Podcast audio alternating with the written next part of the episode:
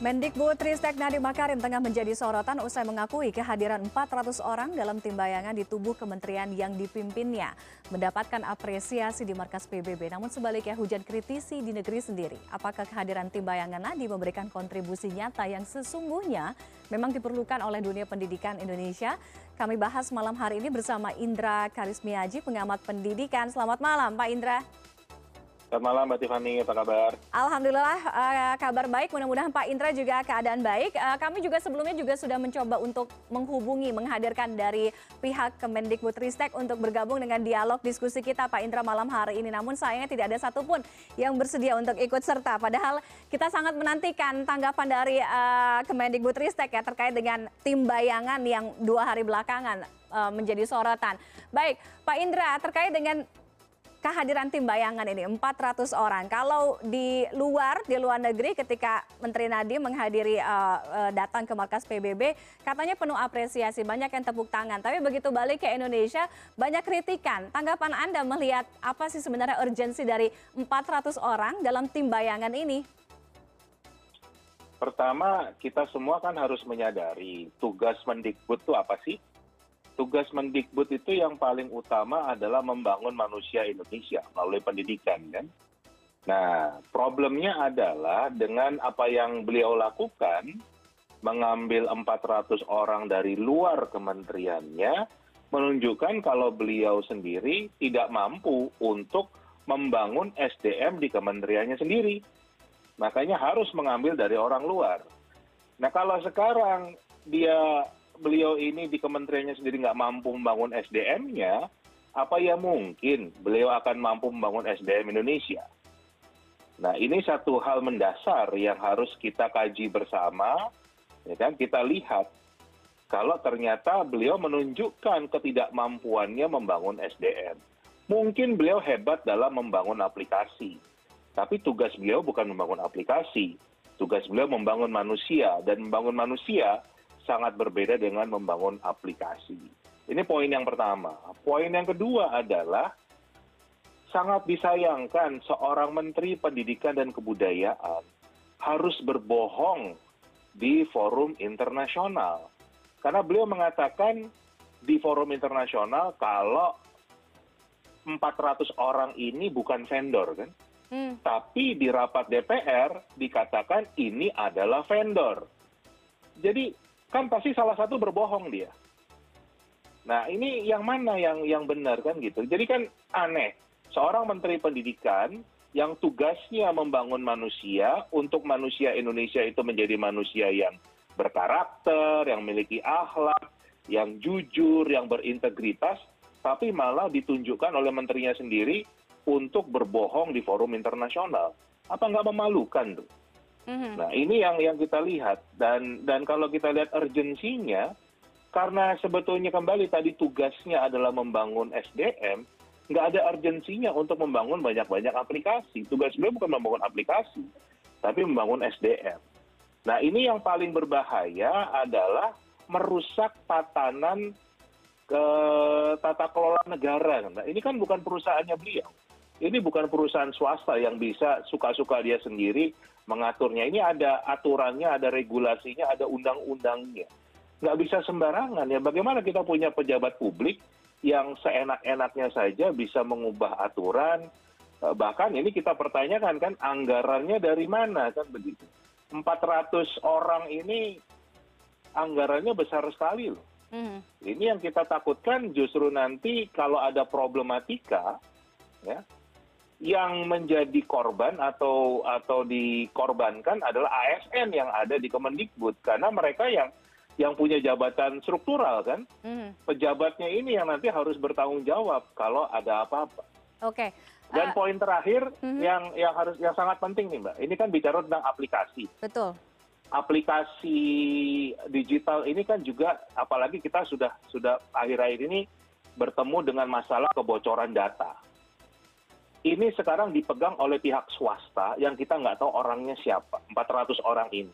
Siapa yang menjamin kerahasiaan data anak-anak Indonesia, mahasiswa, guru, dosen, ketua yayasan, orang tua, ini sama aja 70% data-data orang Indonesia nih.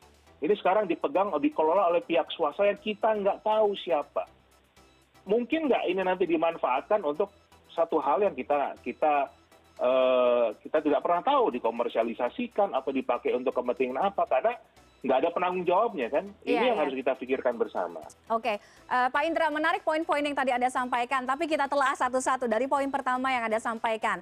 Artinya ini adalah tantangan dari seseorang yang eh, menjadi kepala eh, kementerian, lembaga atau institusi dalam hal ini adalah Menteri Nadiem Makarim untuk bisa membangun SDM, mengkomandoi kan ya SDM SDM yang ada di kementerian, betul kan seperti itu.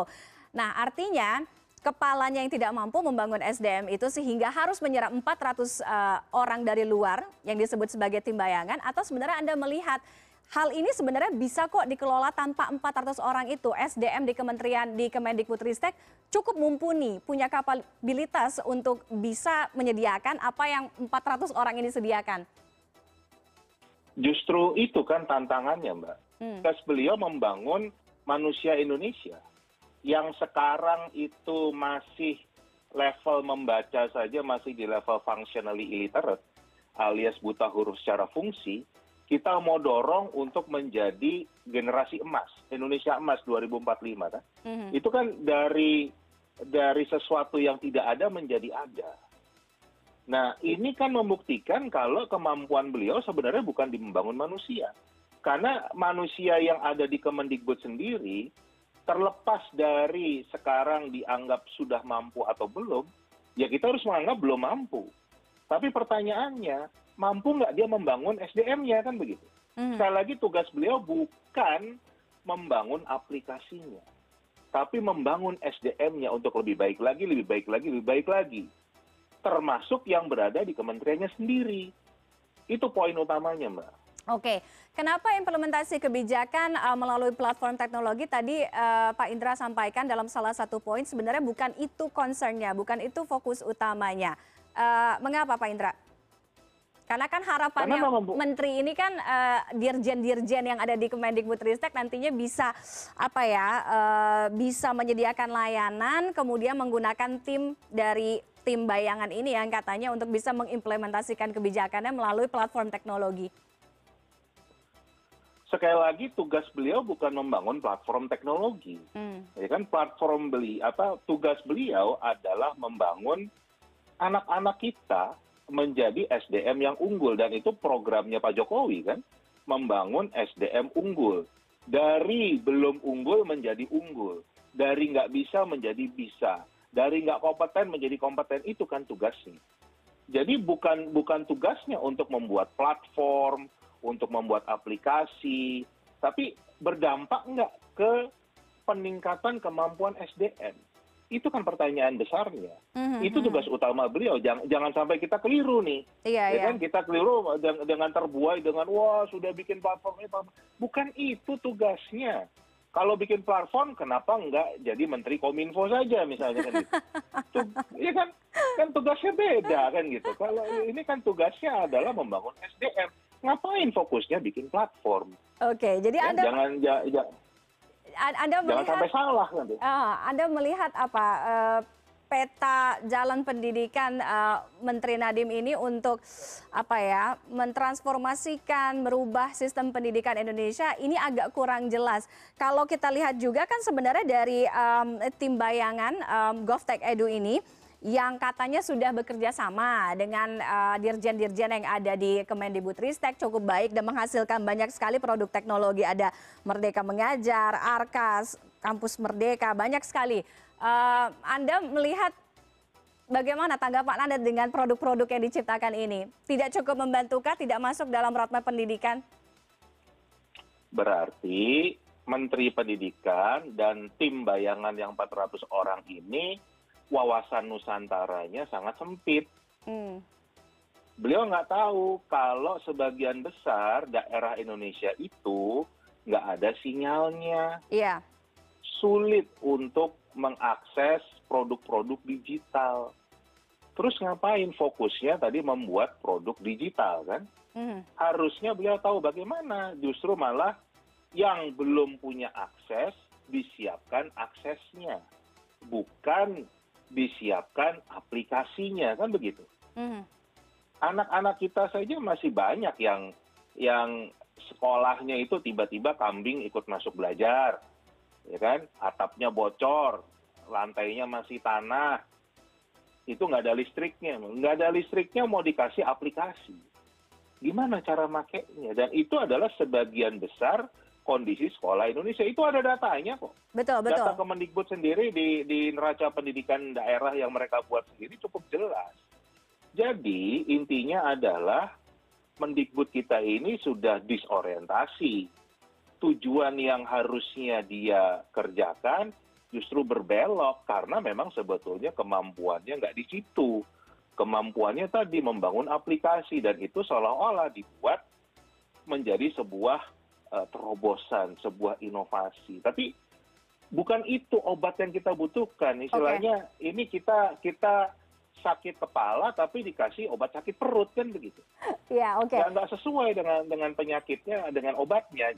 Oke, jadi um, apa namanya yang uh, dibutuhkan, yang dimau itu tidak tertangkap jelas oleh uh, Menteri Nadiem ya. Anda melihat karena kalau kita ngomongin transformasi teknologi di sistem pendidikan, berbicara mengenai infrastruktur, itu pun kita tidak bisa tutup mata, tutup telinga. Memang kita masih kurang terkait dengan infrastruktur itu ya, Pak Indra ya. Betul. Oke, obat menurut anda obat yang tadi anda sebutkan bukan itu obatnya. Karena memang bukan ini penyakit yang ada di sistem atau ada di dunia pendidikan Indonesia. Obat yang memang paling dibutuhkan yang paling urgent saat ini. Bukan soal tim bayangan atau menyediakan um, apa uh, teknologi uh, kemajuan teknologi di bidang pendidikan kita. Yang dibutuhkan adalah perencanaan.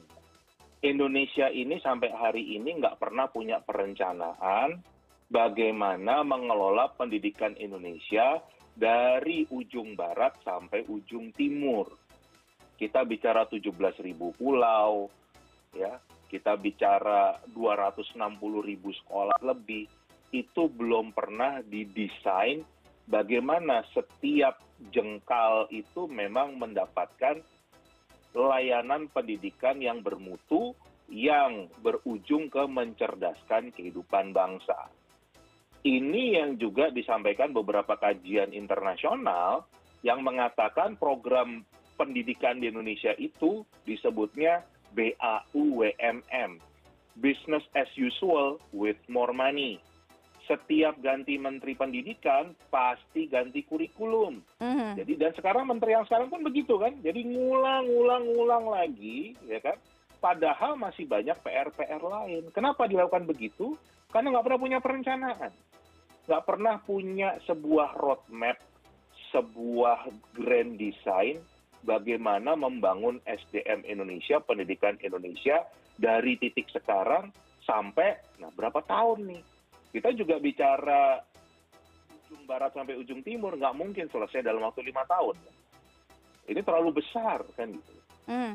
Kita bicara digitalisasi di Singapura aja mbak, negara yang besarnya cuma sebesar kecamatan, sekolahnya cuma 300, untuk implementasi digitalisasi sekolah saja, mereka punya yang namanya Singapore ICT Master Planning Education. Dan itu dimulai dari tahun 97. Sekarang mereka sudah masuk fase kelima, nama plannya dirubah menjadi Singapore Education Technology Plan. Itu negara yang besarnya cuma satu kecamatan, cuma 300 sekolah kita 260 ribu sekolah, 17 ribu pulau tidak punya perencanaan sama sekali. Makanya begitu menterinya ini muncul, dia bikin aplikasi kan gitu. Nanti ternyata yang make hanya orang Jakarta, orang Bandung, orang Surabaya, orang Medan, orang Makassar kan gitu. Aha. Yang kota besar-besar, tapi yang di pulau-pulau boro-boro mbak pakai aplikasi-aplikasi ini. Oke. Okay.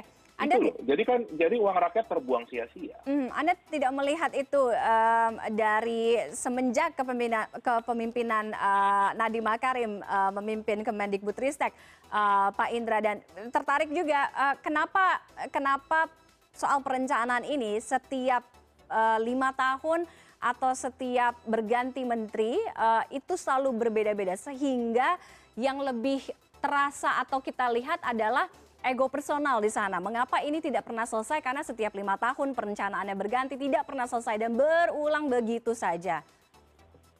Betul, itulah kenapa kami para aktivis pendidikan bahkan sampai kami menghadap Presiden Joko Widodo uh, melalui teman-teman di API, APPI ya, Asosiasi Penyelenggara Pendidikan Indonesia, Pak Presiden sendiri juga menyatakan kalau kita membutuhkan cetak biru pendidikan Indonesia ini supaya apa? Nggak tiap ganti menteri programnya sama, cuman ganti baju aja, ganti nama kan begitu sekarang sekolah penggerak, menteri yang sebelumnya sekolah rujukan, menteri sebelumnya lagi rintisan sekolah bertaraf internasional, uh. menteri sebelumnya lagi sekolah inti, intinya sama aja kan begitu.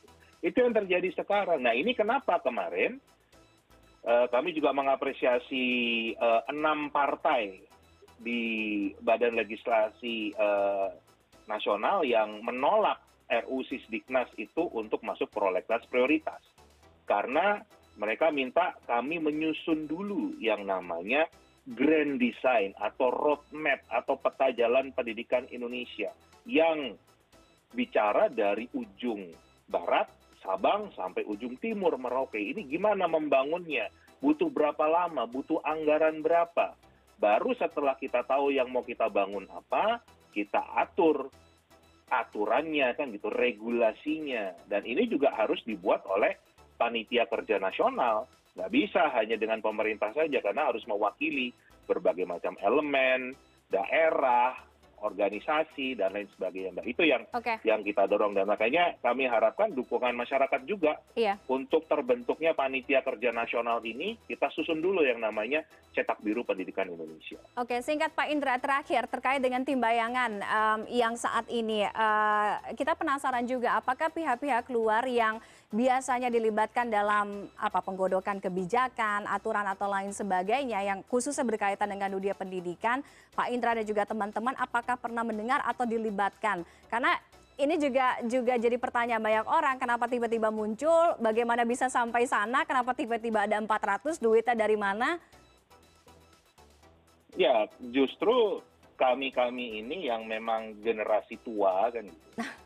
memang tidak pernah dilibatkan itulah juga kenapa kami uh, melihat banyak problematika yang ada dalam kebijakan-kebijakan yang dibuat oleh Kemendikbudristek. Mm -hmm. Kita tahu memang sekarang itu tim bayangan ini, timnya Mendikbud, bahkan teman-teman di Kemendikbud sendiri menyebutnya kurcaci kan gitu. Karena memang anak-anak muda kan gitu, anak-anak muda yang saya yakin cerdas-cerdas, mungkin banyak yang lulusan luar negeri tapi tadi pengalamannya masih sedikit wawasan nusantaranya masih sempit jadi belum melihat seutuhnya Indonesia itu bagaimana bagaimana pengalaman dalam mengelola birokrasi dalam kehidupan masyarakat Indonesia ini belum paham. Saya sendiri sebetulnya melihat banyak kesamaan mereka hmm. dengan posisi saya 20 tahun yang lalu saat baru lulus kuliah kan gitu masih cara berpikirnya begitu kan. Iya.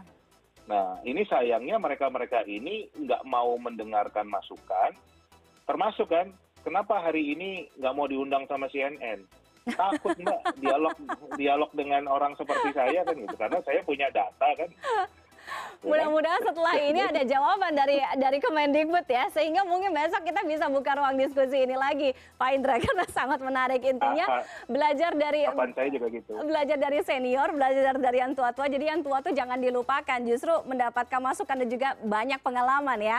Kurang lebih seperti itu. Terima kasih Pak Indra Karismiaji sudah bergabung dengan kami malam hari ini. Selamat malam Pak Indra, sehat selalu. Malam, Mbak.